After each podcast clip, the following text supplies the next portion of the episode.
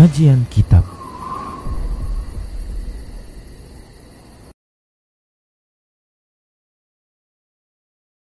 Bismillah, Assalamualaikum warahmatullahi wabarakatuh.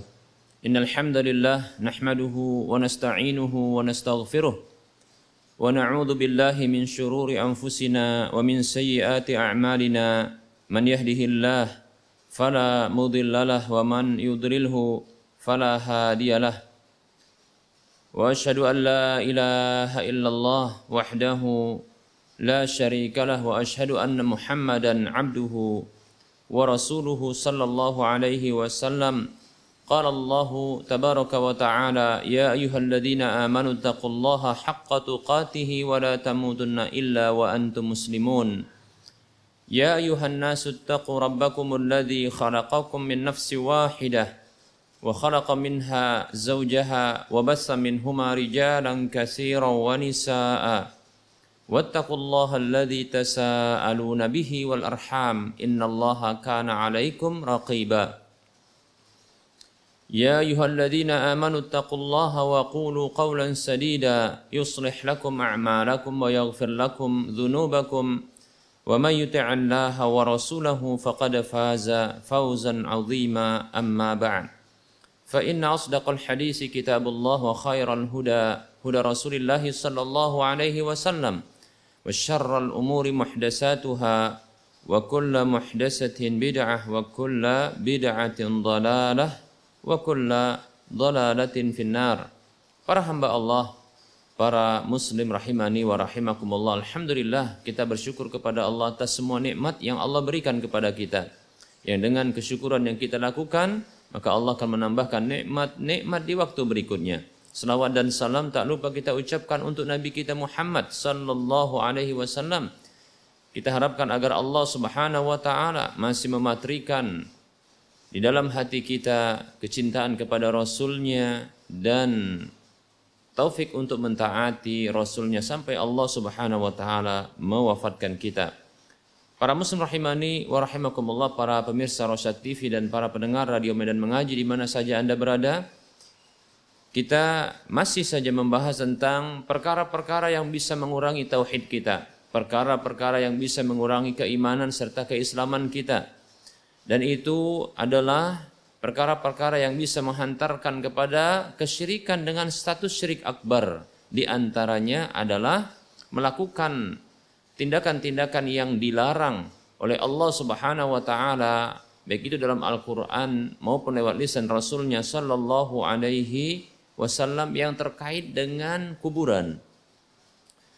Baik itu terhadap penghuni kubur berlebih-lebihan terhadap ya penghuni kubur atau kuburan tersebut atau melakukan ya tindakan-tindakan ibadah di sekitar kuburan.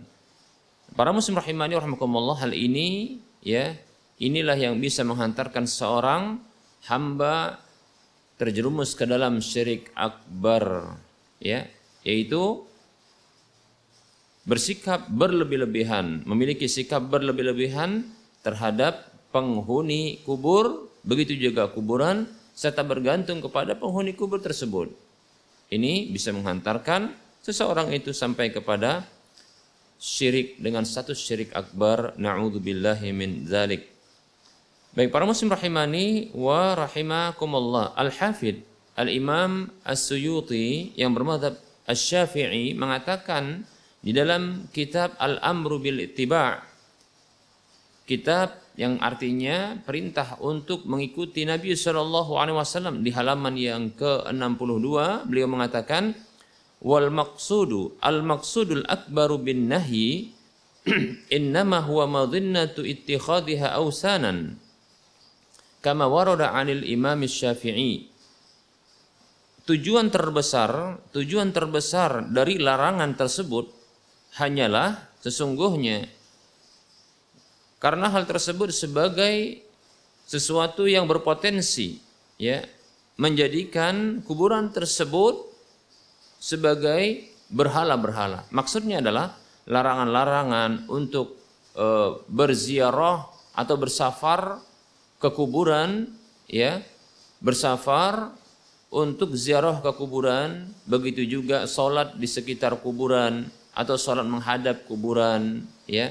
Kemudian me memberikan penerangan ya.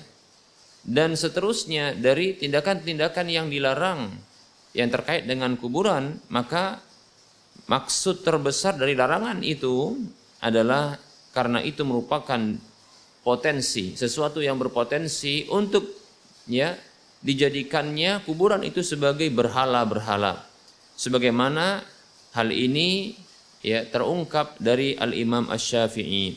Wa hadhihi al-'illatu allati li ajliha naha syari'u sallallahu alaihi wasallam hiya allati awqa'at katsiran minal umami imma fi syirkil akbari au fi ma dunahu alasan inilah yang karenanya Rasulullah sallallahu alaihi wasallam melarangnya yaitu yang menyebabkan ya atau menjerumuskan kebanyakan dari umat-umat terdahulu ke dalamnya baik itu ke dalam syirik akbar ataupun yang di bawah derajat syirik akbar tersebut.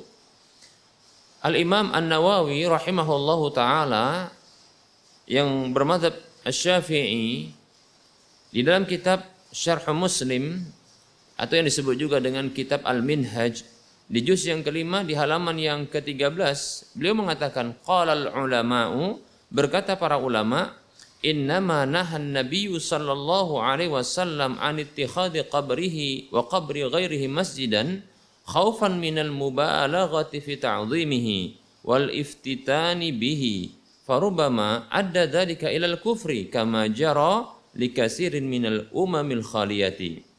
Beliau mengatakan para ulama mengatakan sesungguhnya Nabi Shallallahu alaihi wasallam melarang untuk menjadikan kuburan beliau atau kuburan selain beliau sebagai masjid hanyalah karena kekhawatiran ya terhadap sikap yang berlebih-lebihan di dalam mengagungkan kuburan tersebut atau akan muncul fitnah ya eh, dengan pengagungan tersebut ya bahkan barangkali hal tersebut bisa menghantarkan kepada kekufuran sebagaimana yang telah berlaku ya bagi kebanyakan dari umat-umat terdahulu. Demikian para muslim rahimani wa rahimakumullah. Jadi tindakan-tindakan yang dilarang oleh Nabi Shallallahu alaihi wasallam terkait dengan apa saja tindakan yang e, di sekitar kuburan ini bisa menghantarkan kuburan itu menyebabkan kuburan itu itu menjadi berhala yang disembah selain Allah Subhanahu wa taala. Syekh Hussein bin Muhammad Al-Maghribi dalam syarah kitab Bulughul Maram milik Ibnu Hajar Al-Asqalani rahimahullahu taala setelah beliau menyebutkan tentang hadis-hadis yang memuat kutukan untuk orang-orang yang menjadikan kuburan sebagai masjid, beliau mengatakan wahadhil akhbarul mu'abbiru anha bil la'ni wa tashbihi biqaulihi la taj'alu qabri wasanan yu'badu min dunillahi tufidu tahrima lil imarati wa tazyini wa tajsisi wa wad'i sunduqi al muzakhrafi wa wad'i satairi 'ala al qabri wa 'ala samaihi wa tamassuhi bi jidaril qabri wa anna dhalika qad yufdi ma'a ba'dal ahdi wa fushuwil jahli ila ma kana alaihi al umami al umamu as-sabiqatu min ibadatil awsani فكان في المنع عن ذلك بالكلية قطع قطع لهذه الذريعة المفضية إلى الفساد وهو المناسب لل hikmati al mu'tabarati fi syar'il ahkami min jalbil masalih wa daf'il mafasidi sawa'un kanat bi anfusiha aw bi tibari ma tufdi ilaihi. Beliau mengatakan eh, hadis-hadis uh, yang mengungkapkan tentang kutukan dan penyerupaan dengan tindakan tersebut dengan ungkapan beliau Shallallahu Alaihi Wasallam janganlah kalian jadikan kuburanku itu sebagai berhala yang disembah selain Allah. Ini memberikan ya memberikan keterangan pengharaman pengharaman untuk melakukan tindakan uh, imarah yaitu membuat bangunan begitu juga menghias-hias, begitu juga memplester, meletakkan kotak yang dihiasi atau meletakkan uh, uh, tirai ya satair yaitu tirai-tirai pada kuburan tersebut ya baik itu di atas kuburan maupun di langit-langitnya melakukan ya penyentuhan terhadap kuburan uh, kepada dinding kuburan ini semuanya terkadang bisa menghantarkan ya menghantarkan kepada apa yang telah berlaku kepada umat-umat sebelum kita yaitu berupa peribadahan terhadap berhala-berhala. Nah, ini disebabkan karena ya ini terjadi setelah ya zaman kenabian atau karena tersebarnya kebodohan. Demikian. Nah, di dalam pelarangan hal itu semua itu terdapat bentuk menghentikan atau memutus sarana yang bisa menghantarkan kepada kerusakan. Dan ini sesuai dengan hikmah yang diakui di dalam syariat pensyariatan hukum-hukum agama kita berupa ya menarik maslahat-maslahat dan menolak kemudaratan dan kerusakan baik itu dengan sendirinya atau berdasarkan ya e, tinjauan apa yang bisa menghantarkan kepadanya. Demikian. Jadi para muslim rahimani wa rahimakumullah. Nah ini larangan-larangan ini ada hikmah para muslim rahimani wa rahimakumullah. Larangan-larangan ini ya merupakan bentuk memutus sarana sebagai bentuk ya menghilangkan faktor-faktor yang bisa menghantarkan seorang hamba kepada sesuatu yang telah terjadi kepada umat-umat sebelum kita yaitu peribadahan terhadap berhala-berhala ya. Di mana ya umat-umat terdahulu mereka ya awalnya adalah ya menginteraksikan hal-hal yang terlarang tersebut ya pada diri mereka namun akhirnya mereka pun menyembahnya. Demikian para muslim rahimahni wa rahimakumullah. Sehingga Nabi kita Muhammad sallallahu alaihi wasallam sebagai bentuk kasih sayang beliau terhadap umatnya melarang apa saja yang bisa menghantarkan kepada kesyirikan tersebut dan penyembahan terhadap berhala-berhala. Sehingga ya ada larangan-larangan yang diberlakukan oleh beliau sallallahu alaihi wasallam terkait dengan kuburan ketika kita ya berada di sekitar kuburan atau ketika kita hendak berangkat ke kuburan. Demikian para muslim rahimani wa rahimakumullah. Oleh karena itu para muslim rahimani wa rahimakumullah ya, tatkala ya Ubadiyun, Ubaidiyun yaitu satu kelompok ya manusia yang mereka ini menasabkan dirinya kepada Syiah yang berada di Mesir atau di tempat yang lain, tatkala mereka ini memperlakukan sebuah kebiasaan yang buruk, yaitu dengan cara membangun masjid di atas kuburan, membangun kubah di atas kuburan, membangun bangunan di atas kuburan, dan mereka inilah orang yang pertama sekali ya mengarang atau memperlakukan hal ini ya di negeri-negeri Islam ya sebagai bentuk mengikuti dan taklid buta terhadap orang-orang Yahudi dan Nasrani ya. Maka ketika itu tersebarlah ya dan terjadilah tindakan berlebih-lebihan sikap berlebih-lebihan terhadap kuburan. Demikian para muslim rahimani wa rahimakumullah.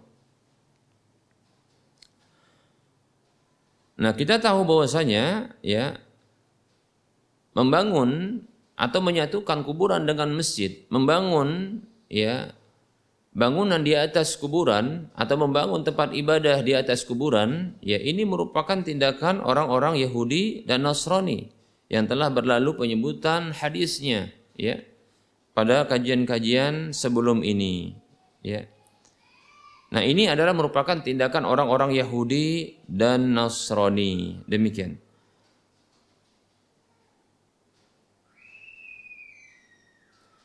Berkata Al-Imam At-Tahawi yang bermadhab Al-Hanafi yang beliau wafat pada tahun 321 sebagaimana yang terdapat ya 321 Hijriah maksudnya sebagaimana yang terdapat di dalam kitab Mukhtasar Ikhtilafil Ulama ya. Lil al, lil Jasas ya. Al Hanafi ya sebagaimana terdapat dalam kitab Mukhtasar Ikhtilaf Al Ulama ya mirip Al Jassas yang bermadhab Al Hanafi yang wafat pada tahun 370 ya Hijriah. Di juz yang eh, juz yang pertama di halaman yang ke-407 beliau mengatakan qala al-laisu berkata al-lais seorang ulama ya tabi'in beliau mengatakan bunyanul quburi laisa min halil muslimina wa innama huwa min halin nasara. Ya membangun kuburan itu bukanlah termasuk kebiasaan orang-orang muslim sesungguhnya hal itu ya hanyalah termasuk kebiasaan dari orang-orang Nasrani. Demikian. Jadi para muslim rahimani warahmatullah ya, kita ya kita tak akan pernah menang. Kita tidak akan pernah jaya selama kita mengikuti kebiasaan orang-orang kafir. Bagaimana kita bisa akan menjadi jaya? Bagaimana kita akan menjadi menang ya, menjadi umat yang yang menang menjadi pemenang. Padahal Allah Subhanahu wa taala ya telah menjadikan agama ini adalah agama kemenangan ya. Allah Subhanahu wa taala berfirman di dalam surah ya Al-Fatih ayat 28 Allah mengatakan a'udzu billahi minasyaitonir rajim rasulahu bil huda wa dinil haqqi liyudhhirahu 'ala ad-dini kullihi wa kafa billahi syahida Dialah Allah Subhanahu wa taala yang telah mengutus rasulnya mengutus rasulnya dengan membawa petunjuk dan agama yang benar agar dia memenangkan agama tersebut di atas seluruh agama. Ya dan cukuplah Allah Subhanahu wa taala sebagai saksinya. Baik Allah yang mengutus rasulnya Muhammad wasallam. Allah pilih ya hamba pilihan di antara manusia yaitu Rasulullah sallallahu alaihi wasallam. Allah pilih. Lalu Allah Subhanahu wa taala ya amanahkan kepada beliau untuk membawa hidayah ini dan agama yang benar agar disebarkan kepada manusia sehingga agama ini akan menang dan siapa saja memeluk agama ini akan mendapatkan kemenangan ya dan Allah Subhanahu wa taala yang memiliki agama ini berjanji untuk memenangkan agama ini. Demikian pula Allah Subhanahu wa taala menjadi saksi atas kemenangan tersebut. Baik para muslim rahimani rahimakumullah agama Islam adalah agama kemenangan. Dan umat Islam ketika memperlakukan agama ini ya memeluk agama ini manusia mana pun yang mereka memeluk agama ini sehingga mereka menjadi seorang muslim yang beragama Islam maka mereka pun akan mendapatkan kemenangan. Nah, para muslim rahimani warahmatullah. Namun, bagaimana mereka akan bisa mendapatkan kemenangan apabila mereka ini taklid buta, mengikuti dan mengekori kebiasaan orang-orang ya selain mereka ya orang-orang yang berada di atas agama selain mereka. Nah Yahudi dan Nasrani ya. Bagaimana mereka akan bisa menjadi menang? Ya. Dengan orang-orang yang beragama Nasrani dan Yahudi tersebut. Sementara mereka ini mengikuti ya mengikuti dan mengekori menjadi ekor bagi mereka menjadi pengikut bagi mereka. Ya kita tahu bahwasanya ekor itu ya dan pengikut itu berada di belakang. Oleh karenanya para muslim rahimani rahimakumullah tidak ada pilihan bagi kita. Bila kita inginkan kemenangan adalah kita tidak menjadi ekor bagi mereka, tidak menjadi pengikut bagi mereka. Di antaranya dan cara yang paling ampuh adalah dengan kembali kepada agama ini, kembali kepada agama ini dan menjauhi segala bentuk mengikuti kebiasaan-kebiasaan orang-orang Yahudi dan Nasrani. Lebih-lebih terkait dengan masalah prinsip yaitu yang terkait dengan kuburan dan ini sudah dilarang oleh Nabi kita Muhammad sallallahu alaihi wasallam. Demikian para muslim rahimani wa rahimakumullah.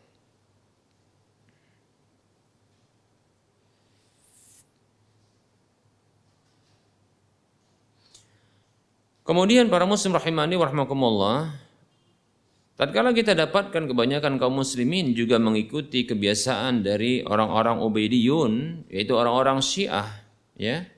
Satu kelompok dari Syiah ini diikuti di dalam membangun kuburan, ya, dan menjadikan kuburan-kuburan sebagai tempat sholat ataupun tempat doa, ya, sebagai tempat untuk sholat maupun tempat untuk berdoa. Maka Hal ini menghantarkan mereka kepada peribadahan kepada penghuni kubur demikian. Dan tentunya ini diibadah selain Allah Subhanahu wa taala. Nah, mereka mulai ya beristighosah kepada penghuni kubur, meminta ya keperluan-keperluan hajat hidup mereka kepada penghuni kubur, ya, meminta agar dihilangkan kesulitan-kesulitan dan ya kesusahan-kesusahan hidup Bahkan mereka meminta kemaslahatan-kemaslahatan dan seterusnya dari ibadah-ibadah. Termasuk di antaranya dalam mereka melakukan tawaf ya di kuburan-kuburan ya. Yang dianggap bahwasanya penghuni kubur tersebut adalah orang-orang yang saleh ya. Juga mereka melakukan penyembelihan ya. Di sisi kuburan bernadar di sisi kuburan ya. Dan seterusnya dari ibadah-ibadah ya yang ini sesungguhnya adalah syirik akbar. Ini merupakan syirik akbar. Nah inilah para muslim rahimani rahimakumullah yang menyebabkan Nabi kita Muhammad Shallallahu Alaihi Wasallam yang melarang hal ini. Ya agar hal ini tidak terjadi atau sesuatu yang yang dikhawatirkan oleh Nabi Shallallahu Alaihi Wasallam sebagaimana telah terjadi kepada umat-umat sebelum kita. Mereka ya menyembah selain Allah Subhanahu Wa Taala. Maka Rasulullah Shallallahu Alaihi Wasallam memutus dan melarang ya sarana-sarana yang bisa menghantarkan kepada hal tersebut yang terlarang tersebut. Demikian para muslim rahimani wa rahimakumullah. Berkata seorang ulama Muhammad bin Ali Asy-Syaukani Al-Yamani yang dikenal dengan Al-Imam Asy-Syaukani di akhir dari buku beliau itu Syarhus Sudur bi Tahrimi Raf'il Qubur ya di halaman yang ke-39 dan 40 sebagai bantahan terhadap orang yang mengatakan ya sesungguhnya sah ya boleh untuk membangun masjid di atas kuburan orang-orang yang soleh, ya orang-orang memiliki keutamaan. Ya orang-orang yang mengatakan seperti ini ini adalah ya imam-imam dari uh, Syiah yang membolehkan hal seperti ini. Maka beliau mengatakan Al Imam Asy-Syaukani mengatakan Semantur kaifa yasihu istisna'u ahli al-fadli bi raf'il qubabi ala quburihim وقد صح عن النبي صلى الله عليه وسلم كما قدمناه أنه قال أولئك قوم إذا مات فيهم العبد الصالح أو الرجل الصالح بنوا على قبره مسجدا ya Beliau mengatakan kemudian lihatlah bagaimana bisa dibenarkan ya pengecualian untuk orang-orang yang memiliki kesolehan dan keutamaan ya dengan cara meninggikan kubah-kubah di atas kuburan mereka ya. Padahal telah sah dari Nabi Shallallahu Alaihi Wasallam sebagaimana yang telah kita sebutkan bahwasanya Nabi Shallallahu Alaihi Wasallam bersabda mereka itu itu kaum kaum Yahudi ataupun Nasrani tersebut mereka itu adalah kaum yang apabila mati meninggal dunia di tengah-tengah mereka seorang hamba yang saleh atau laki-laki yang saleh mereka itu membangun di atas kuburannya masjid demikian. Membangun masjid di atas kuburannya. Summa la'anahum bihadas sababi. Kemudian beliau sallallahu alaihi wasallam mengutuk mereka dengan sebab ini. Fa kaifa yasughu min muslimin an yustasna aw yastathniya ahlal fadli bi fi'li hadzal muharram syadid ala quburihim. Lalu bagaimana bisa dibenarkan dari seorang muslim untuk dia mengecualikan ya orang-orang yang memiliki keutamaan dan kesolehan dengan melakukan perkara yang diharamkan, yang sangat diharamkan ini, ya, di atas kuburan-kuburan mereka itu membangun kuburan. Seperti itu. Oleh karenanya tidak ada pengecualian, ya. Jangan dikira ya bahwasanya ya ini dibenarkan. Oleh karenanya jangan pernah kita mengikuti kebiasaan-kebiasaan orang-orang ya sebelum kita ya. Nabi Shallallahu alaihi wasallam melarang ya umatnya untuk membangun kuburan ya, membangun kuburan, membangun ya bangunan di atas kuburan, membangun tempat ibadah, tempat doa di atas kuburan, bahkan melarang melakukan ya hal tersebut di di kuburan. Demikian. Bahkan beliau berdoa agar tidak dijadikan kuburan beliau itu sebagai ya berhala yang disembah. Lalu bila beliau demikian, tentunya orang-orang di bawah beliau derajatnya ini lebih layak untuk tidak untuk tidak diberlakukan hal-hal yang beliau larang tersebut. Demikian para muslim rahimani wa rahimakumullah.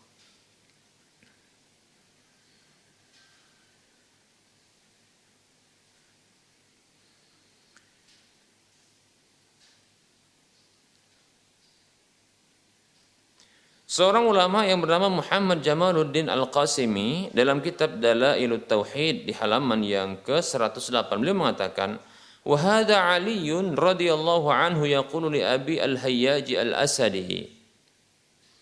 Beliau mengatakan ini Ali radhiyallahu an pernah mengatakan kepada Abu Hayyad Al-Asadi Ala ab'asuka ala ab'asuka ala ma alaihi Rasulullah sallallahu alaihi wasallam? Maukah aku utus engkau untuk sebuah tugas yang aku pernah diutus oleh Rasulullah sallallahu alaihi wasallam untuknya? Alla tada'a qabran musyarrafan illa sawaitahu. Ya itu janganlah engkau biarkan satu kuburan yang dimegahkan kecuali engkau ratakan. Wala suratan illa tamastahu kecuali uh, dan jangan engkau biarkan satu patung atau satu gambar pun kecuali engkau engkau hancurkan. Wa ala hadha nahji al-wadih min al-muhafadhati ala tauhid sar salafus salihu wa immatul huda ya min ba'dihim. Di atas metode yang jelas inilah yaitu berupa penjagaan terhadap tauhid para ulama salafus salih dan imam-imam ya yang mendapatkan petunjuk dan mengajarkan petunjuk kepada umat ini ini berjalan ya setelah para sahabat tersebut.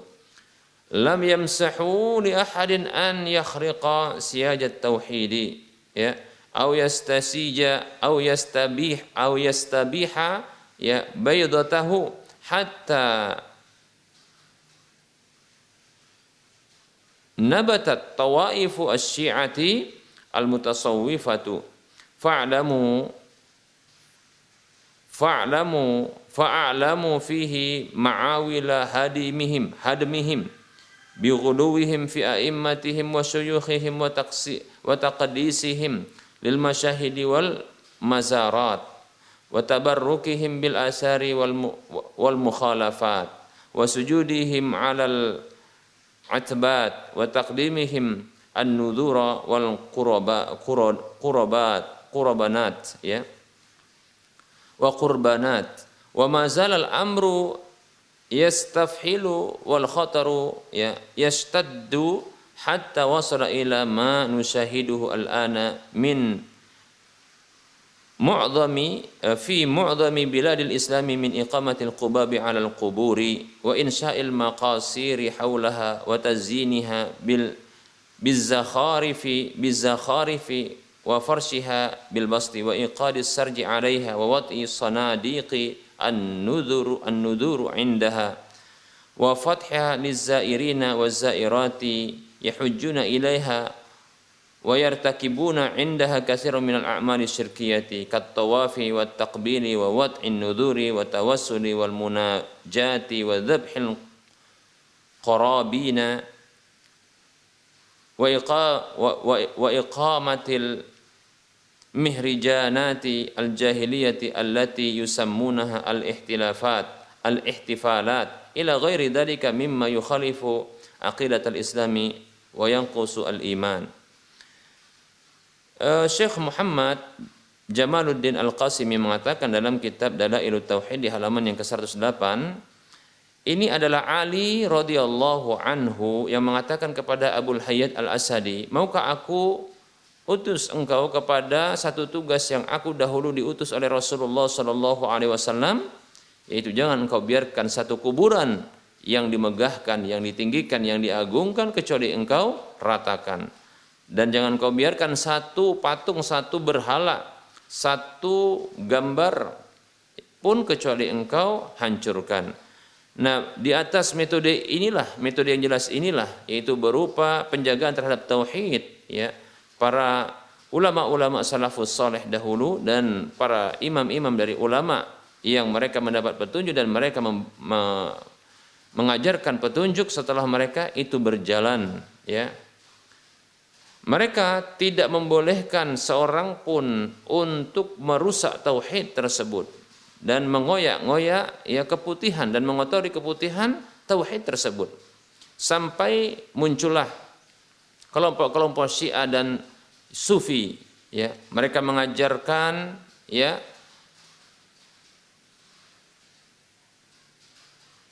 hal-hal yang menghancurkan ya yang menghancurkan kebiasaan atau menghancurkan hal ini ya.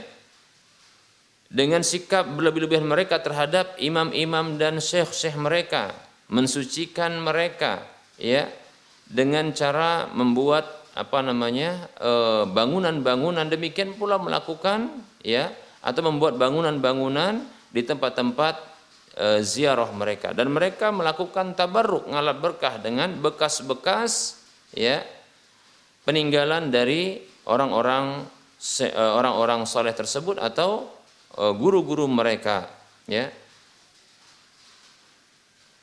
Dan mereka melakukan sujud terhadap ya mereka ini dan mereka ya e, me, melakukan persembahan nazar begitu juga pengorbanan-pengorbanan itu kurban-korban senantiasa perkara ini masih terus ya berlanjut dan semakin parah ya sampai ya kepada apa yang kita lihat saat ini berada di kebanyakan muncul kebanyakan di negeri-negeri Islam ya itu berupa dibangunnya kubah-kubah di atas kuburan ya. Kemudian penghiasan yang dilakukan terhadap kuburan ya. Menghidupkan atau memberikan penerangan di atas kuburan ya. Meletakkan kotak-kotak nadar di sisinya ya. Membuka ya kuburan-kuburan tersebut bagi para pengunjung baik laki maupun perempuan untuk melakukan haji ya dengan bertawaf di sekitarnya. Ya, mereka melakukan ya kebanyakan dari perbuatan-perbuatan syirik di sisi kuburan-kuburan tersebut. Seperti tawaf, mencium ya, melakukan nadar, tawasul, tawasul, ya bermunajat, bahkan menyembelih hewan-hewan kurban di sisi kuburan tersebut. Dan menegakkan kebiasaan-kebiasaan orang-orang jahiliyah dahulu yang mereka namakan ini ya adalah ya bentuk perayaan-perayaan atau disebut juga dengan haul-haul ya dan yang lainnya sampai kepada ya apa yang kita lihat mereka ini menyelisihi dari akidah Islam dan ya apa saja yang bisa mengurangi keimanan. Demikian para muslim rahimani wa rahimakumullah. Para ulama dari ahli sejarah dan yang lainnya mereka bersepakat dengan satu ijma bahwasannya kuburan ya kuburan yang dinisbatkan kepadanya itu yang di Kairo itu tidaklah benar ya Ya seperti contohnya salah satu kuburan yang ada di Karbala di Irak. Yang satu lagi adalah di Sam, di ya di Syam, ya. Begitu juga yang ketiga adalah di Kairo, ya. Begitu juga ya sampai-sampai ya kondisi saat ini didapatkan ya bahwasanya uh, Syekh Abdul Qadir Al Jailani ya rahimahullahu taala yang telah wafat ya itu memiliki sampai 100 kuburan ya yang dinisbatkan kepada beliau ya di alam ini karena ya hal tersebut ya ini agar ya kuburan-kuburan orang-orang soleh ini bisa dikunjungi ya, maka masing-masing dari eh, manusia ya untuk menarik para peminat pengunjung tersebut mereka menisbatkan kuburan-kuburan ini adalah kuburan Syekh Abdul Qadir Al-Jailani. Demikian padahal ini adalah dusta semata dan tidak benar. Baik para muslim rahimani wa rahimakumullah. Nah, ini menunjukkan kepada kita dan menjelaskan kepada kita bahayanya untuk ya menggampangkan dan bermudah-mudah di dalam hal ini yaitu apa saja yang dilarang oleh Nabi kita Muhammad sallallahu alaihi wasallam ya dan menjelaskan kepada kita pentingnya untuk berpegang teguh dengan petunjuk Nabi sallallahu alaihi wasallam ya wajib mengedepankan sabda beliau ya petunjuk beliau sallallahu alaihi wasallam di atas seluruh pernyataan-pernyataan manusia siapa pun mereka ini ya. Atau mereka apakah mereka itu disebut dengan ya tuan guru syekh ya al imam ya bagi ya umat atau kaumnya yang ada di sekitarnya ya. Maka tidak ya tidak boleh bagi kita untuk ya membuang atau menyingkirkan ya perkataan atau sabda Nabi Shallallahu Alaihi Wasallam. Sabda Nabi Shallallahu Alaihi Wasallam petunjuk Nabi Shallallahu Alaihi Wasallam ya lalu mengambil perkataan manusia yang lainnya. Para muslim rahimani wa rahimakumullah. Dan jangan pula mengambil pendapat sesuai dengan selera lalu ia menyingkirkan ya petunjuk Nabi sabda Nabi sallallahu alaihi wasallam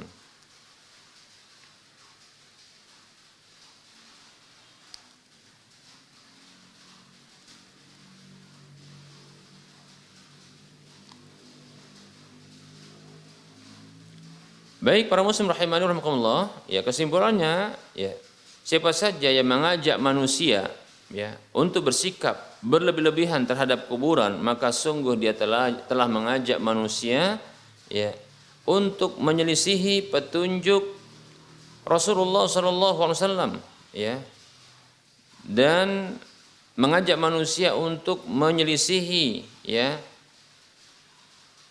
apa yang diajarkan oleh para nabi-nabi Allah dan para orang-orang soleh dahulu, para wali-wali Allah seluruhnya. Demikian.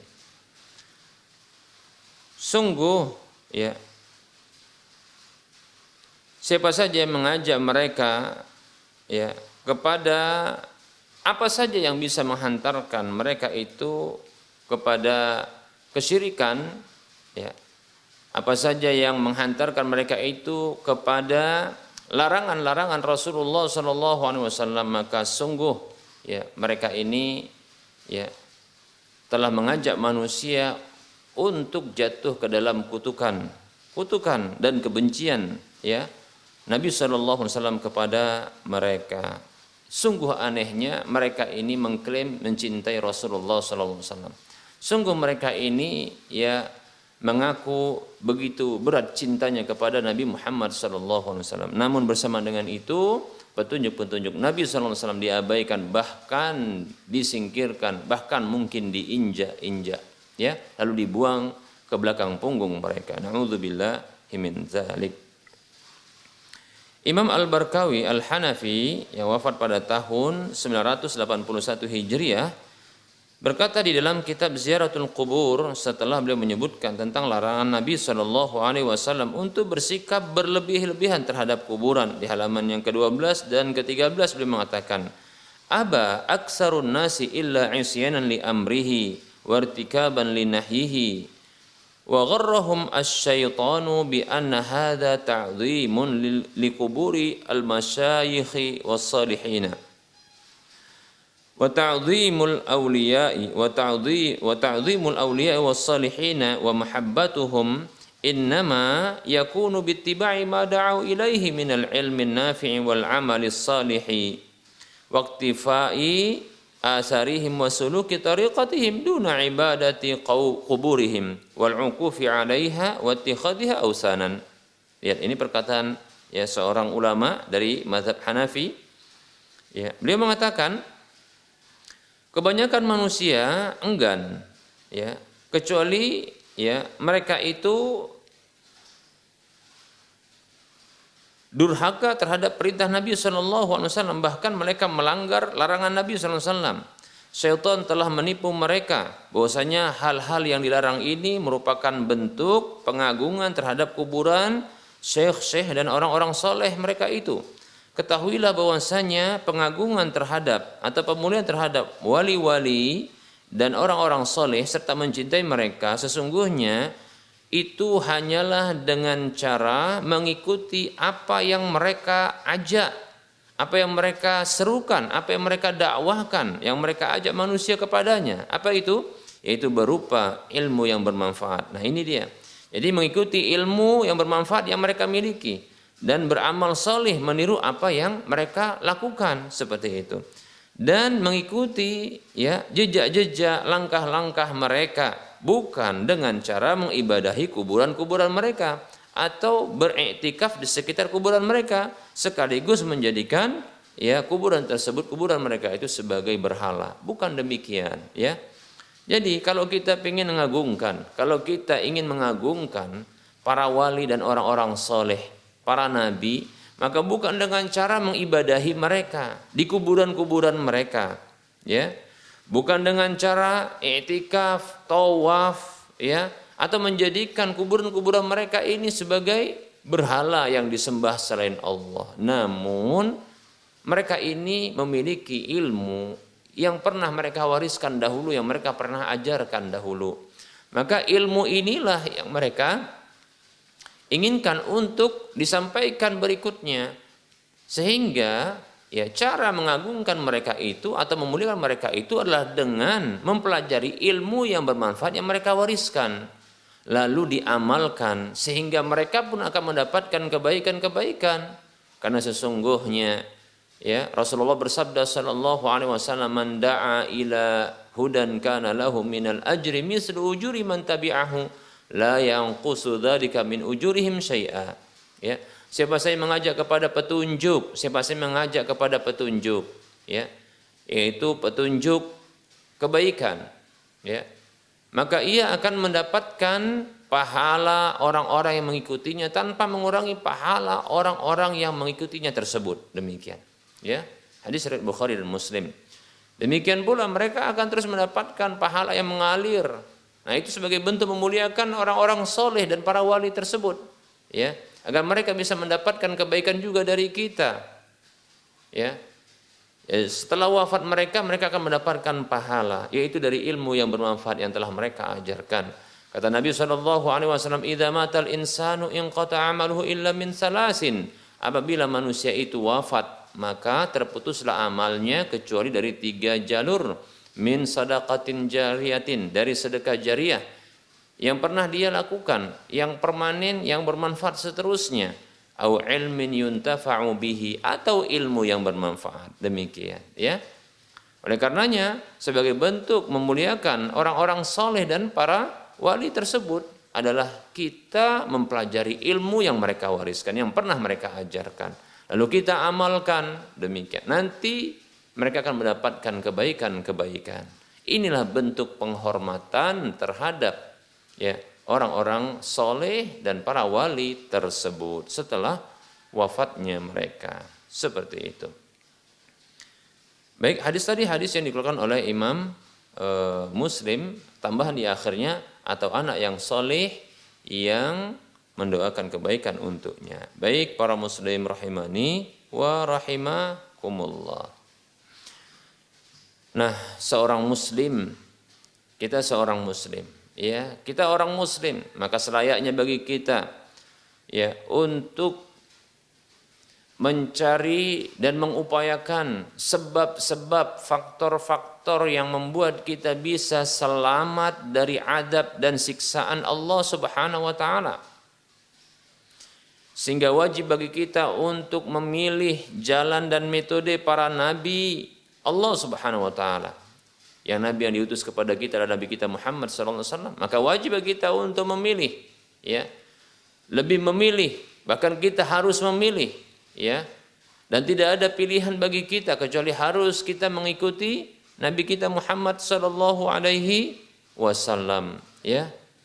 Ketika Allah Subhanahu wa taala telah menetapkan sebuah keputusan ya, maka janganlah kita memiliki pilihan selain pilihan Allah Subhanahu wa taala, bukan pilihan kita atau pilihan dari guru-guru kita. Bila pilihan tersebut bertentangan dengan ya pilihan Allah dan Rasulnya. Nah, kata Allah Subhanahu wa taala di dalam surah Al-Ahzab ayat 36, وما كان أعوذ بالله من الشيطان الرجيم وما كان لمؤمن ولا مؤمنة إذا قضى الله ورسوله أمرا أن يكون لهم الخيرة من أمرهم ومن يعص الله ورسوله فقد ضل ضلالا مبينا Tidak layak bagi seorang mukmin laki-laki maupun perempuan, orang yang beriman laki-laki maupun maupun perempuan apabila Allah dan Rasulnya telah menetapkan sebuah keputusan, sebuah perkara mereka itu memiliki mereka itu memiliki pilihan yang lain dari urusan mereka itu ya. Dan siapa saja yang durhaka kepada Allah dan Rasulnya ini diancam oleh Allah subhanahu wa taala. Siapa saja yang durhaka kepada Allah dan Rasulnya maka sungguh ia telah sesat dengan kesesatan yang nyata. Demikian. Maka tidak ada pilihan bagi kita kecuali pilihan Allah dan Rasulnya. Yang itu akan menghantarkan kita kepada kebahagiaan kita di dunia kita dan di akhirat kita. Dan ini akan menyelamatkan kita dari siksa Allah Subhanahu wa taala di dunia dan di akhirat kita. Demikian, ya. Malah sebaliknya kita menjauhi ya segala jalan ataupun metode yang menyelisihi dan menyalahi ya jalannya Allah dan Rasulnya, pilihan Allah dan pilihan Rasulnya. Demikian para muslim rahimani warahmatullah. Dan apa yang kita sajikan ini, apa yang kita kajikan ini, para muslim rahimani warahmatullah, ini adalah sebahagian sarana yang bisa menghantarkan manusia itu kepada kesyirikan dengan satu syirik akbar. Ya, banyak ya sarana-sarana yang bisa menghantarkan ya kepada kesyirikan dengan satu syirik akbar ini. Oleh karenanya terus kita belajar ya. Terus kita belajar seterusnya. Kita hanya menyebutkan sebahagian saja ya. Barangkali eh, ini materi yang bisa kita sampaikan insya Allah taala kita akan eh, lanjutkan pada waktu mendatang dengan sarana yang bisa menghantarkan ya atau hal-hal yang bisa menghantarkan ya kepada hal-hal yang dimurkai oleh Allah berikutnya. Atau hal-hal yang bisa mengurangi tauhid kita yang bisa mengurangi keimanan kita dan keislaman kita insya Allah taala kita akan bahas pada waktu mendatang. Baik para muslim rahimani rahmatullah kita akan masuki sesi soal jawab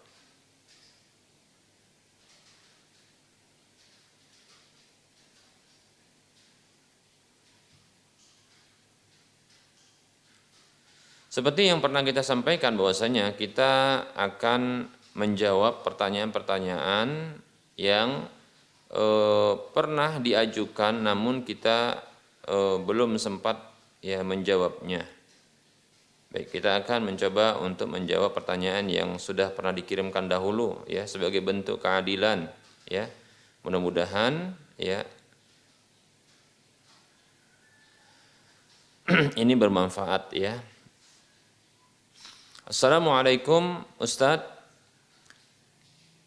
Nama saya Rozi, mohon izin bertanya. Saya ingin menabung uang. Kalau saya simpan di rumah, saya khawatir keamanannya. Kalau saya simpan di bank, saya khawatir masalah ribanya. Apakah Ustadz punya rekomendasi eh, bank-bank tertentu yang bebas riba? Terima kasih banyak Ustadz.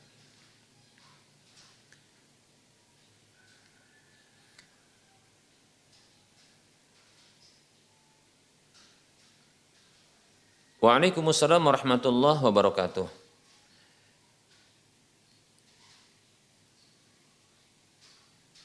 Para ulama mereka menjelaskan tentang e, penyimpanan uang atau harta di perbankan ya yang ada bunganya. Sesungguhnya ya sesungguhnya mereka membolehkan dengan beberapa syarat. Ya, syarat yang pertama seperti yang disebutkan oleh saudara kita yang bertanya ini adalah dikarenakan kekhawatiran keamanan, ya, baik itu keamanan uang tersebut maupun keamanan jiwa, dari orang yang memiliki uang tersebut. Nah, bisa jadi ya mungkin eh, banyak orang-orang yang memiliki ya eh, niat buruk atau tindakan buruk yang akan melakukan tindakan yang tidak diinginkan dengan mengambil harta atau merampas harta bahkan mungkin mengancam jiwa pemiliknya. Maka jika hal ini memang betul-betul ya dikhawatirkan terjadi, maka para ulama membolehkan ini merupakan syaratnya ya terkait dengan keamanan. Yang kedua adalah ya eh, tidak mengambil ya bunganya yang itu merupakan riba ya tidak mengambil bunganya yang itu merupakan riba seperti itu. Nah, tentunya ini adalah ya eh, perbankan konvensional ya. Namun kita dapatkan ya di beberapa perbankan ya barangkali ada juga sih sebagian perbankan yang konvensional ya ini memperlakukan ya penitipan uang tanpa tanpa adanya bunga ya tanpa adanya bunga Ya, tapi pada umumnya ini ada di perbankan-perbankan syariah, ya. Seperti itu. Perbankan syariah. Adapun di perbankan konvensional mungkin sedikit ya, mungkin sedikit dari dari perbankan ini yang memperlakukan boleh memperlakukan demikian ya atau menerima ya penitipan uang tanpa ya adanya e, pemberlakuan bunga pada uang tersebut di setiap bulan atau setiap tahunnya seperti itu ya demikian jadi ini minimal e, dua syarat yang diperbolehkan untuk menitipkan uang di perbankan, ya. Karena ini dia pertama syaratnya, ya yaitu apa? Kekhawatiran tentang keamanan, ya harta bahkan jiwa. Kemudian yang kedua adalah ya tidak mengambil bunganya yang itu merupakan riba, ya dengan alasan apa pun. Apakah mungkin kalau di perbankan syariah, ya kalau di perbankan syariah maka ini akan ada penyebutan seperti mudorobah. Yang terkadang ya hakikatnya tidak seperti mudorobah. Maka sebaiknya memang tidak mengambilnya. Seperti itu ya. Demikian ya. Jadi dua syarat ini insya Allah taala ini sudah cukup ya untuk kebolehan ya menitipkan harta atau uang di perbankan. Pilihlah ya perbankan-perbankan yang syariah yang barangkali lebih banyak ketersediaan untuk bisa menitipkan uang tanpa harus ada bunganya. Demikian. Bahkan untuk bahkan bisa untuk diambil ya diambil e, lewat ATM ya jasa ATM wallahu taala a'lam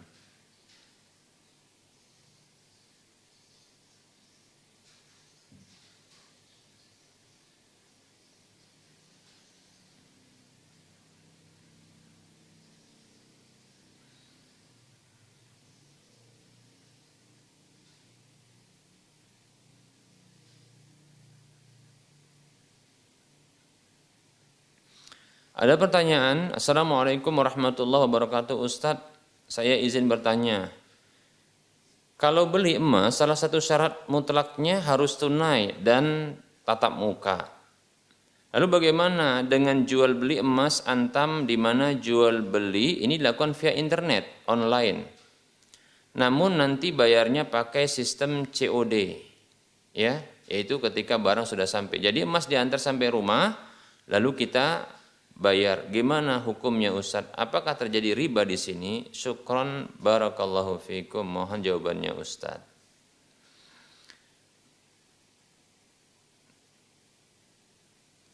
Waalaikumsalam warahmatullahi wabarakatuh. Jika maksud dari eh, jual beli lewat internet ini, online ini, dia hanyalah sekedar ya pesan ya, pesan Ya, kemudian eh, pesan ini tentunya memenuhi kriteria seperti ya jumlah eh, barang yang mau dibeli, kemudian nilai harga ya seperti itu.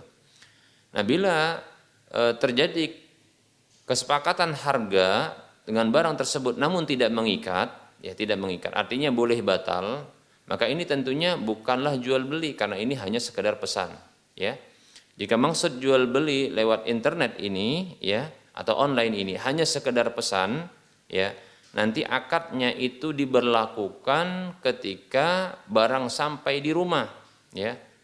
Ketika barang itu sampai di rumah. Dan yang mengantarkan barang itu yaitu emas tersebut adalah wakil dari sang penjual ya pemilik emas itu ya.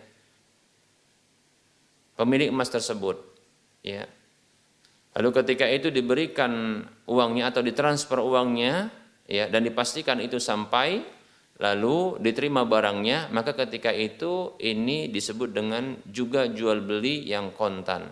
Karena bersamaan ketika masih ada ya eh, wakil dari pemilik emas tersebut yang datang menghantarkan emas, menyerahkan emas sekaligus ya diserahkan uang baik itu kontan langsung ya e, tunai fisiknya ya diterima oleh wakil tersebut atau ditransfer dan itu dipastikan telah sampai sukses ya E, ketika penyerahan emas tersebut. Maka ini terhitung kontan. Ini terhitung kontan seperti itu. Namun apabila tidak, ya apabila tidak, maka ini dikhawatirkan tidak terpenuhi syarat tersebut. Jadi kita ulangi, ya. Apabila maksud dari jual beli emas ya secara via online ini, internet ini adalah jika demikian karena saya tidak tahu ya, saya tidak tahu eh, eh, hakikat dari jual beli eh, emas lewat via online atau internet ini. Saya tidak tahu hakikatnya. Namun bila terpenuhi syarat seperti ini, ya yang saya sebutkan ini atau penjelasan yang saya sebutkan ini, maka insya Allah Taala boleh. Apa itu? Yaitu terjadinya ya eh, pemesanan lewat online, yaitu via internet. Ya, Nah, pemesanan ini tentunya memenuhi kriteria adalah pemesanan ya jumlah barang seperti mungkin eh, jumlah dari gram atau kilogram dari emas tersebut ya. Kemudian begitu juga ya penetapan dan penentuan kapan datangnya, kemudian begitu juga penentuan harganya seperti itu ya, harganya. Namun perlu diketahui ini penentuan harga-harga seperti ini bukanlah dia mengikat ya ini mengikat tidak mengikat tidak boleh mengikat bahkan. Artinya ini boleh batal ya ini boleh batal. Artinya boleh tidak jadi demikian ya ini tidak mengikat ini hanya sekedar pemesanan dengan penyebutan harga yang tidak mengikat. Nah nanti diberlakukan lagi ya. Diberlakukan ya eh, akad yang aslinya yaitu akad jual belinya itu ketika ada wakil yang menghantarkan emas tersebut langsung ke kepada pembeli ya calon pembeli di rumahnya dan tentunya di sini dipersyaratkan dia boleh batal ketika mungkin barangkali tidak tidak jadi. Demikian ya ketika tidak jadi contohnya. Maka boleh. Nah inilah dia bentuk tadi pemesanan tersebut tidak mengikat. Nah, ketika diserahkan barang, demikian pula diserahkan uang, baik itu secara fisik langsung kepada wakil dari pemilik emas itu,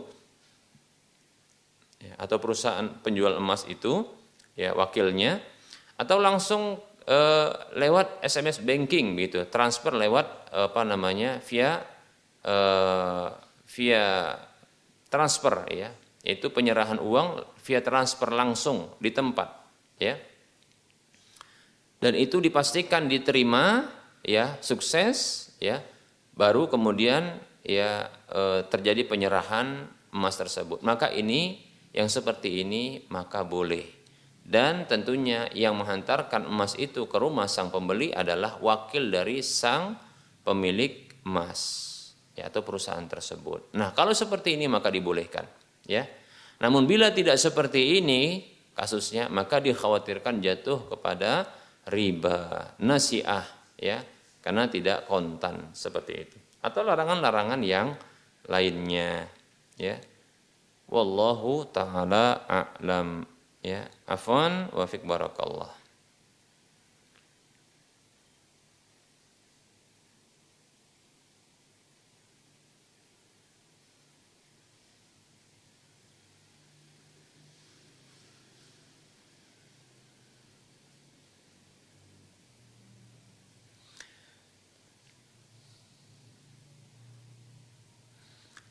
Baik ada pertanyaan Assalamualaikum Ustadz Maaf Ustadz Nama saya Fajar. Saat ini saya punya sedikit uang. Ada tiga keinginan kuat Saya. Yang pertama saya ingin menikah Karena kebutuhan biologis sudah sangat kuat. Kemudian yang kedua ingin bikin modal usaha Karena saya berjuang sendiri. Yang ketiga saya ingin mengeluarkan uang ini untuk sedekah karena batin ini sedih ketika saya tidak bisa berbuat apa pun ketika lihat ya ada celengan masjid atau pembebasan lahan masjid. Mohon penjelasan Ustaz, mana yang harus didahulukan? Jazakallahu khairah. Wa, wa anta fajazakallahu khairah. Waalaikumsalam warahmatullahi wabarakatuh. Nah tentunya ketika ada benturan dalam hal-hal yang kita anggap adanya eh, kontradiksi di dalam kepentingan-kepentingan yang akan kita lakukan, ya hal-hal yang penting yang ingin kita lakukan, maka di sana ya ada ketetapan ya skala prioritas. Ya, jadi dalam Islam pun ada skala prioritas. Takdimul aulawiyat yaitu mendahulukan yang paling prioritas. Ya, maka dilihat ya mendahulukan ya ketika hendak mendahulukan ya dahulukan yang paling penting dan paling wajib jika dilihat dari ketiga hal ini, ya, ketiga hal ini, maka manakah yang paling wajib? Saya lihat adalah yang paling wajib itu adalah menikah. Ya. Menikah.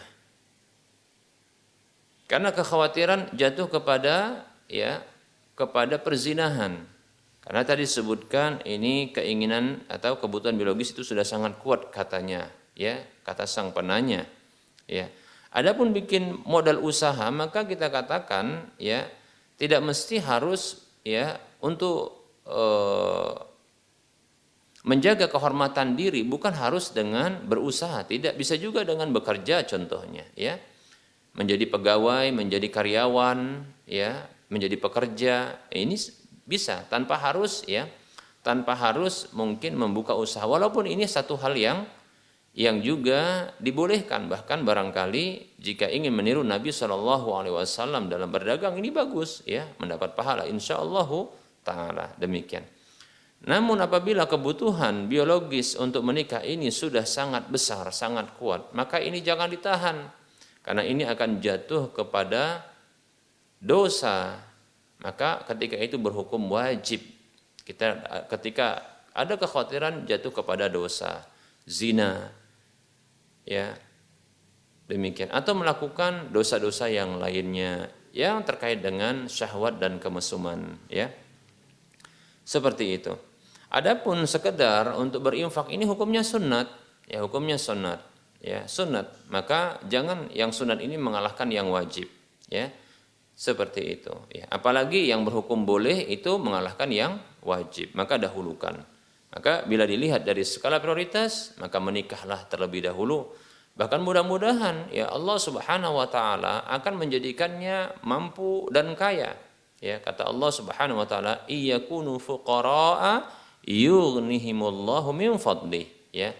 Bila mereka itu fakir miskin, maka Allah Subhanahu wa taala akan menjadikan mereka kaya ya dari karunia-Nya. Allah memberikan kekayaan kepada mereka ya dari karunia-Nya. Demikian oleh karenanya ya bila sang penanya ini ya berkeinginan kuat menikah itu untuk menjaga kehormatan dirinya, maka ketahuilah Allah akan menolongnya. Rasulullah SAW bersabda dalam sebuah hadis, ya salah satun hakun 'alallahi aunuhum. Ada tiga orang ya yang menjadi hak atas Allah untuk menolong mereka. Di antaranya adalah wanakihul ladhi ya yuridul afaf yaitu seorang yang menikah ingin menjaga kehormatan dirinya. Mudah-mudahan Allah akan menolongnya ya jika niatnya seperti itu ya. Dan Allah akan membuatnya kaya insya Allah taala. Sehingga nanti setelah menikah kemudian ternyata Allah berikan rizki yang lebih maka silahkan buat modal usaha setelah itu atau ya sebelum itu juga boleh yaitu berinfak ya berinfak ya. Untuk pembebasan lahan begitu juga untuk ya eh, kotak-kotak infak masjid. Wallahu taala a'lam.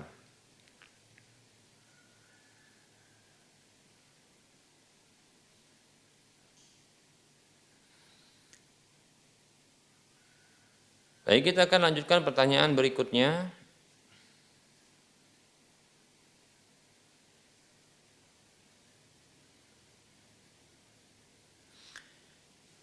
Bismillah, Assalamualaikum warahmatullahi wabarakatuh. Maaf Ustadz mengganggu saya khairul dari kisaran Ustadz. Izin bertanya Ustadz, bagaimana sikap kita apabila toko yang kita bekerja padanya itu menjual barang palsu, contohnya seperti oli palsu. Mohon nasihatnya Ustadz, syukron jazakallahu khairah. Waalaikumsalam warahmatullahi wabarakatuh. Ya bila kita bekerja di sebuah toko, ya. Bekerja di sebuah toko yang ternyata toko tersebut menjual barang palsu, ya.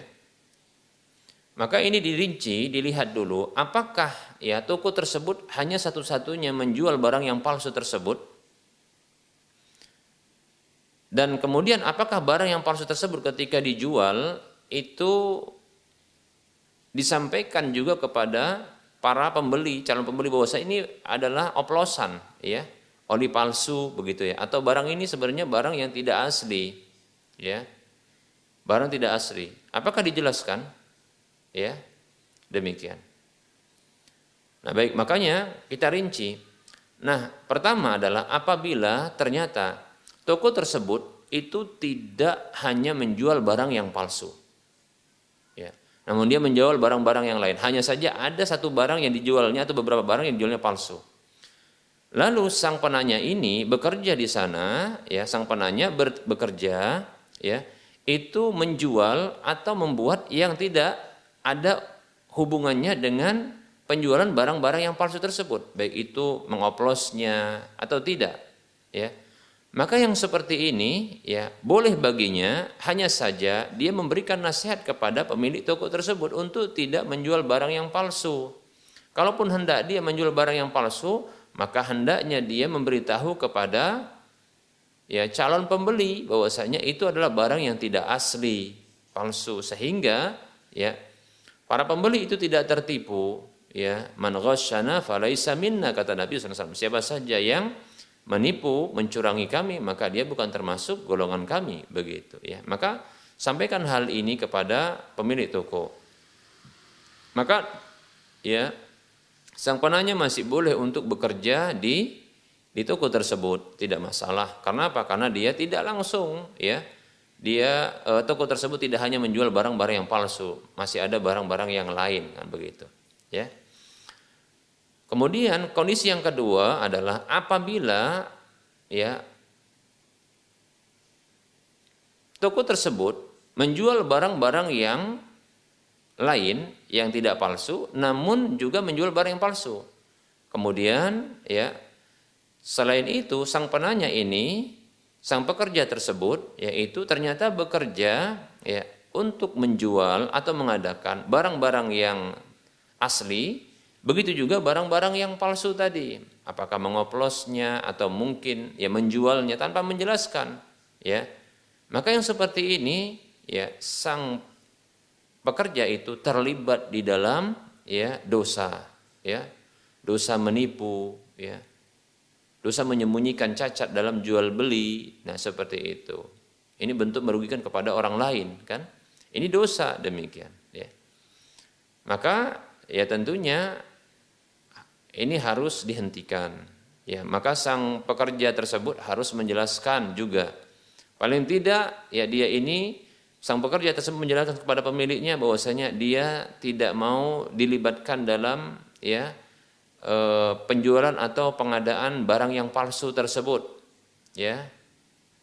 Lalu dijelaskan tentang hukumnya. Nah, dengan seperti itu ya dia selamat insyaallah taala. Seperti itu. Ya. Nah, apabila dia terpaksa seperti itu juga, maka dia berdosa, ya, menjual atau mengadakan pengadaan barang-barang yang palsu tersebut, lalu dia termasuk yang menjualnya, maka dia berdosa, ya. Maka sebaiknya bisa cara yang lain untuk dia, ya, eh, terhenti dari dosa tersebut dengan cara dia tidak berinteraksi dengan penjualan atau pengadaan barang yang palsu tersebut, ya sembari dia memberikan nasihat kepada pemilik toko Demikian. Ya, insya Allah gajinya masih aman, ya upahnya masih aman. Ya, seperti itu. Masih halal insya Allah taala. Nah, e, kondisi yang ketiga adalah apabila ternyata toko itu satu-satunya ya usahanya adalah mengadakan ya barang yang palsu tersebut, mengoplosnya lalu menjualnya. Tidak ada pilihan yang lain, cuma satu saja, tidak ada yang asli barang tersebut. Maka di sini haram keseluruhannya. Maka dia harus ya berhenti dari pekerjaan tersebut, ya. Karena ini merupakan bentuk kerugi, apa merugikan. Ya, kecuali kalau seandainya kalau seandainya ketika dia menjual tersebut ini jelaskan ini barang palsu semuanya, ya. Dan wallahu taala alam saya kira kalau seandainya e, menggunakan merek yang lain, contohnya merek contohnya seperti merek yang dijual yang ada. Contoh ya oli palsu ya itu dimasukkan ke dalam botol kemasan atau e, wadah kemasan itu seperti Yamaha. Lalu dijual kasih nama Yamaha. Maka di sini juga ada penipuan. Dan ini merugikan apa? Ya e, perusahaan yang e, bernama Yamaha ini. Nah ini merupakan e, dosa kepada perusahaan tersebut begitu juga kepada para penjualnya, eh, para pembelinya, calon customernya seperti itu, ya. Tapi kalau hanya oli palsu saja tanpa ada merek, ya, kemudian itu dijelaskan kepada para calon customernya, maka insya Allah selesai masalahnya, ya, selesai, ya karena apa? Para customer mengetahui ini adalah oli palsu dan mereka memang ber, berminat dengan oli tersebut maka tidak masalah. Asalkan sang penjual tersebut ya toko tersebut tidak memberikan label-label atau merek-merek tertentu yang sudah dikenal di pasaran itu eh, dengan oli yang asli. Demikian ya. Wallahu taala a'lam.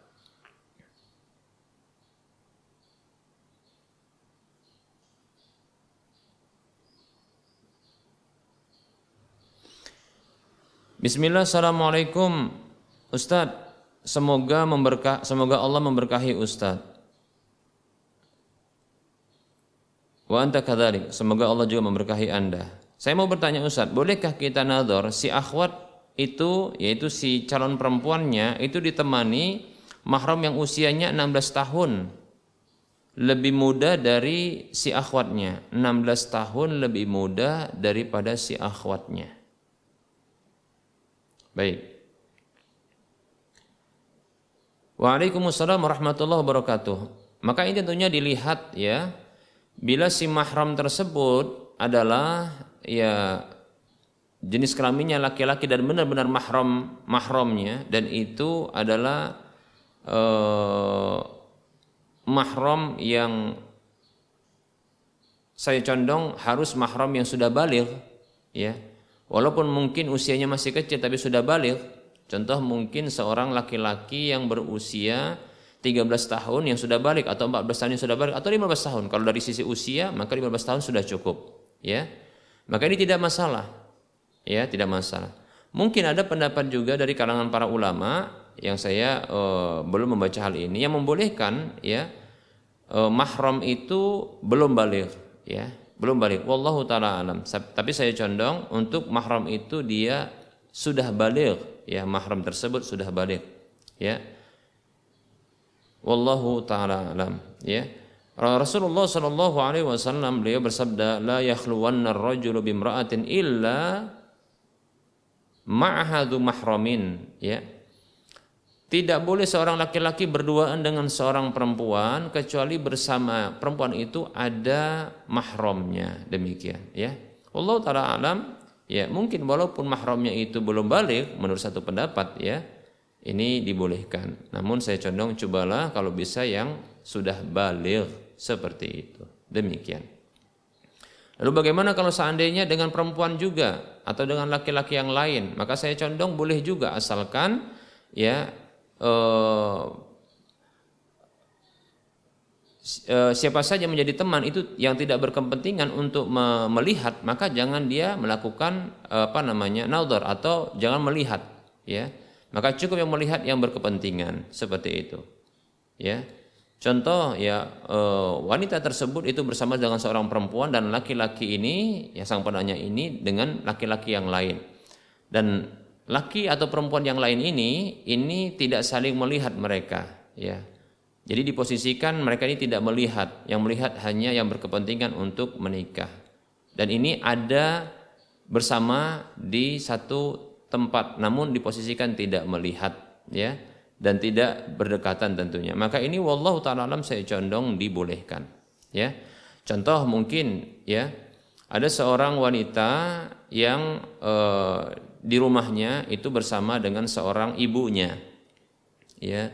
Kemudian ada laki-laki yang datang bersama dengan temannya. Lalu ya diposisikan bahwasanya wanita itu ingin dilihat oleh laki-laki ini. Lalu diposisikan ya teman laki-laki itu di posisi dinding tapi masih bersama dengan laki-laki tersebut begitu juga ya sang wanita itu bersama dengan ibunya tapi sang ibu di dinding yang lain sehingga tidak kelihatan mereka ini yang berkomunikasi namun mereka masih dalam ruangan tersebut ya yang berjumlah empat orang. Saya condong yang seperti ini wallahu taala alam dibolehkan. Ya ada satu riwayat hadis ya yang diriwayatkan oleh Imam Muslim tentang ya kehadiran laki-laki lain ya Eh, bagi seorang laki-laki yang menemui ya eh, seorang perempuan ini dibolehkan ya wallahu taala a'lam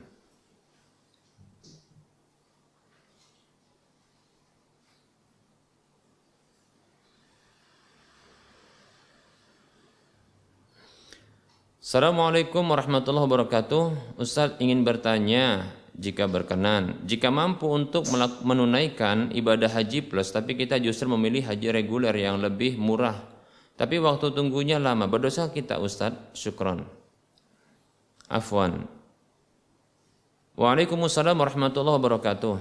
Ya, saya condong sebenarnya tidak masalah, ya tidak masalah.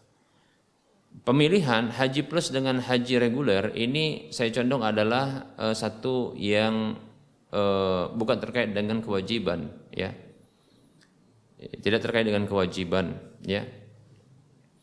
Maksudnya adalah bukanlah hukumnya wajib harus haji plus ya ketika mampu kemudian tidak boleh haji reguler. Saya condong bahwasanya ini hanya keutamaan saja tentunya ya. Walaupun mampu untuk melakukan menunaikan ibadah haji plus ya tapi tentunya sangat diutamakan ya apa yang membuat seorang eh, apa yang membuat seorang muslim untuk menunda dia melakukan haji? Walaupun haji itu adalah haji plus dengan biaya yang mahal. Padahal dia mampu. Maka saya condong bahwasanya ya kejarlah keutamaan ini, kejarlah keutamaan ini ya agar mendapatkan keutamaan haji ya dan itu merupakan kewajiban ya kewajiban yang selesai akan uh, uh, akan segera selesai penunaian apa namanya uh, kewajibannya untuk ditunaikan seperti itu. Ya, sehingga ini segera melepaskan apa kewajiban tersebut dari pundaknya. Dan insya Allah taala Allah akan mengganti segera ya uh, apa namanya mengganti segera uh, harta yang digunakan untuk haji plus tersebut ya. Rasulullah SAW bersabda tabi'u al-hajja wal umrata ya. Iringkanlah antara haji dengan umroh ya. Fa innahuma yanfiyani ya. Uh, al-faqra wa dunuba karena sesungguhnya keduanya itu bisa menghapuskan menghilangkan kefakiran begitu juga dosa-dosa demikian ya. Maka jangan khawatir insya Allah Allah akan mengganti demikian ya. Seperti itu. Kejar keutamaan ini namun ya kalau seandainya memilih haji reguler apakah berdosa? Wallahu taala alam. Saya condong tidak berdosa, cuma kehilangan keutamaan.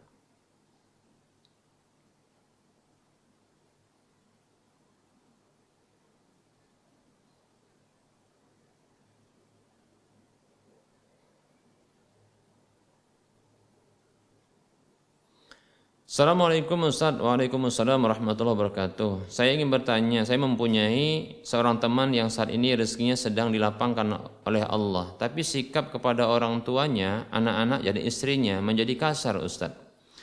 Dan saya tahu pasti teman itu tidaklah pernah melakukan hal demikian sebelumnya. Dan setelah saya tanyakan kepada orang tuanya Ternyata perubahan itu semenjak dia kenal dengan seorang wanita dan semenjak dia berubah semenjak itu dia berubah drastis dan hanya mau mendengarkan kata-kata wanita tersebut saja apakah kemungkinan teman saya ini terkena sihir. Waalaikumsalam warahmatullahi wabarakatuh. Bisa jadi ya teman ini ya teman Anda ini terkena sihir ya bisa terjadi kena sihir. Baik itu sihir ucapan yang tidak melibatkan jin karena mungkin dia terpukau dan karena cinta bisa jadi ya. Karena seseorang yang kalau jatuh cinta atau suka ya dengan seseorang maka rasa cintanya, rasa sukanya tersebut itu membutakan matanya dan membutakan hatinya. Ya sehingga ya itu mengalahkan kecintaan yang ada sebelumnya. Seperti itu bisa jadi dengan kata-katanya bisa jadi. Oleh karena harus mengatakan inna fil bayani la sesungguhnya dalam penjelasan ungkapan-ungkapan itu itu ada sihirnya. Bisa jadi karena cintanya juga ya. Karena sudah dijadikan idolanya bisa jadi. Dia ini tersihir walaupun tanpa melibatkan jin. Ya, demikian. Bisa juga tersihir atau disihir ya dengan pelibatan jin dukun, ya sangat mungkin. Nah, insya Allah kedua-duanya ini bisa diatasi dengan rukyah, ya. Kedua-duanya ini bisa diatasi dengan rukyah, ya, rukyah yang syar'i tentunya, ya. Maka coba saja ya di rukyah atau bisa juga dengan penjelasan, ya, yaitu penjelasan secara gamblang, penjelasan apa, apakah mungkin seorang ustadz yang dihadirkan untuk memberikan penjelasan kepadanya, ya, memberikan nasihat kepadanya, ya. Bisa jadi ya eh, sebab pertama yaitu eh, ungkapan sang perempuan wanita itu itu yang menyihirnya ungkapan itu yang menyihirnya tanpa ada pelibatan jin ya. Ini bisa jadi menyihirnya. Dan ini insya Allah taala dengan penjelasan nasihat ya ini insya Allah taala bisa tersadarkan. Namun apabila ya sihirnya yang melibatkan jin maka di sini butuhnya untuk ya menghilangkan buhul-buhul dari sihir itu ya. Atau bisa juga dengan melakukan ya e, rukyah syar'i ya. Dan Anda pun insya Allah bisa melakukannya. Demikian ya. Wallahu taala alam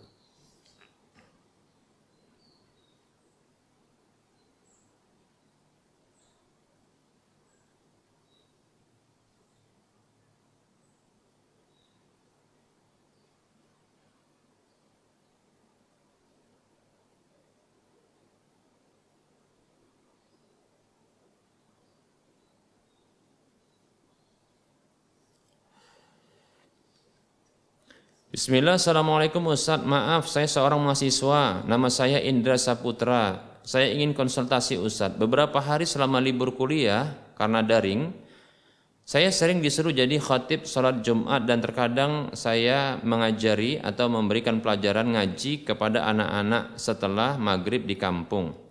Namun tiba-tiba saya diberi uang oleh BKM atau takmir masjidnya Katanya dari desa. Bagaimana hukum uang tersebut wahai Ustaz? Apakah termasuk melakukan amalan dengan keuntungan dunia? Mohon pencerahannya Ustaz. Jazakallahu khairan. Waalaikumsalam warahmatullahi wabarakatuh wa anta fajazakallahu khairan. Masya Allah ya, ini luar biasa ya untuk saudara kita Indra Saputra. Mudah-mudahan Allah memberikan tambahan ilmu kepada anda dan terus belajar. Bahkan ya semoga Allah SWT memberikan hidayah kepada ya penduduk sekitar tempat uh, Anda tinggal ini ya dengan lewat Anda seperti itu ya. Maka silakan bersemangatlah untuk hal kebaikan ini karena ini merupakan bentuk kebaikan ya. Adapun niat Anda ya di awal ini bukanlah untuk dunia. Namun ketika Anda diberikan penghargaan ya ya maka ini adalah hadiah yang tidak berkaitan dengan niat yang baik tersebut ya ini insya Allah taala balasan Allah Subhanahu wa taala untuk Anda dan Anda jangan jadikan ini sebagai patokan untuk Anda bersemangat. Ikhlas itu, ikhlas ya, terus ikhlaslah. Dan tanda ikhlas itu adalah ya tidak berkurang ya amal tersebut karena celaan ya atau ya keburukan manusia terhadapnya begitu juga tidaklah bertambah ya amal tersebut karena pujian begitu juga ya eh, penghargaan orang terhadap amal tersebut. Jadi jangan terpengaruh dengan adanya pemberian ini. Insya Allah pemberian ini halal insya Allah taala. Ya, insya Allah halal.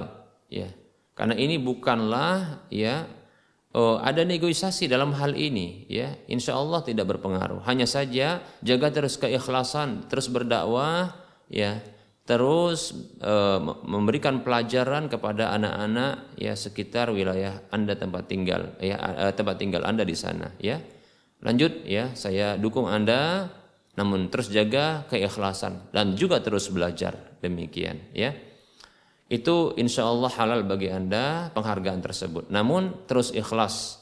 Jangan sampai penghargaan dan pemberian serta pujian orang terhadap Anda ini menambah ibadah Anda dan jangan pula sampai ya celaan begitu juga keburukan orang terhadap Anda ini mengurangi ibadah Anda. Maka ini bukanlah keikhlasan ya. Bertambah ya ibadah itu bukan karena pujian, sanjungan, dan penghormatan orang, penghargaan orang terhadap ibadah tersebut atau kepada Anda. Dan jangan sampai berkurang ibadah tersebut karena ya kejelekan orang, begitu juga celaan orang terhadap Anda. Wallahu taala alam. Baik, masya Allah sepertinya pertanyaan terus ini sepertinya bertambah, namun waktunya eh, tidak mencukupi, ya. Insya Allah Taala kita akan lanjutkan pada waktu mendatang dan mudah-mudahan Allah Subhanahu Wa Taala memberikan kesempatan kepada kita ya untuk bisa kembali bertemu untuk membahas kembali pembahasan yang sangat penting ya terkait dengan akidah seorang muslim. Dan insya Allah kita diberikan waktu juga untuk bisa menjawab pertanyaan-pertanyaan dari saudara-saudara kita yang telah masuk ini insya Allah taala. Dan semoga Allah Subhanahu Wa Taala mengumpulkan kita selalu dalam kebaikan dan kelak mengumpulkan kita di negeri kebaikan yaitu surga Allah Subhanahu wa taala tanpa kita harus merasakan siksanya. Amin ya rabbal alamin. Wassallallahu ala Muhammad wa ala alihi wa ashabihi ajma'in. Mohon maaf atas segala kekurangan dan kesalahan. Kebenaran itu datangnya dari Allah, kesalahan itu datang dari saya pribadi dan bisikan syaitan. Kepada Allah saya mohon ampun dan kepada para pemirsa dan para pendengar sekalian saya mohon maaf. Subhanakallahumma wa bihamdika asyhadu an la ilaha illa anta astaghfiruka wa atubu ilaika walhamdulillahi rabbil alamin. Wassalamualaikum warahmatullahi wabarakatuh.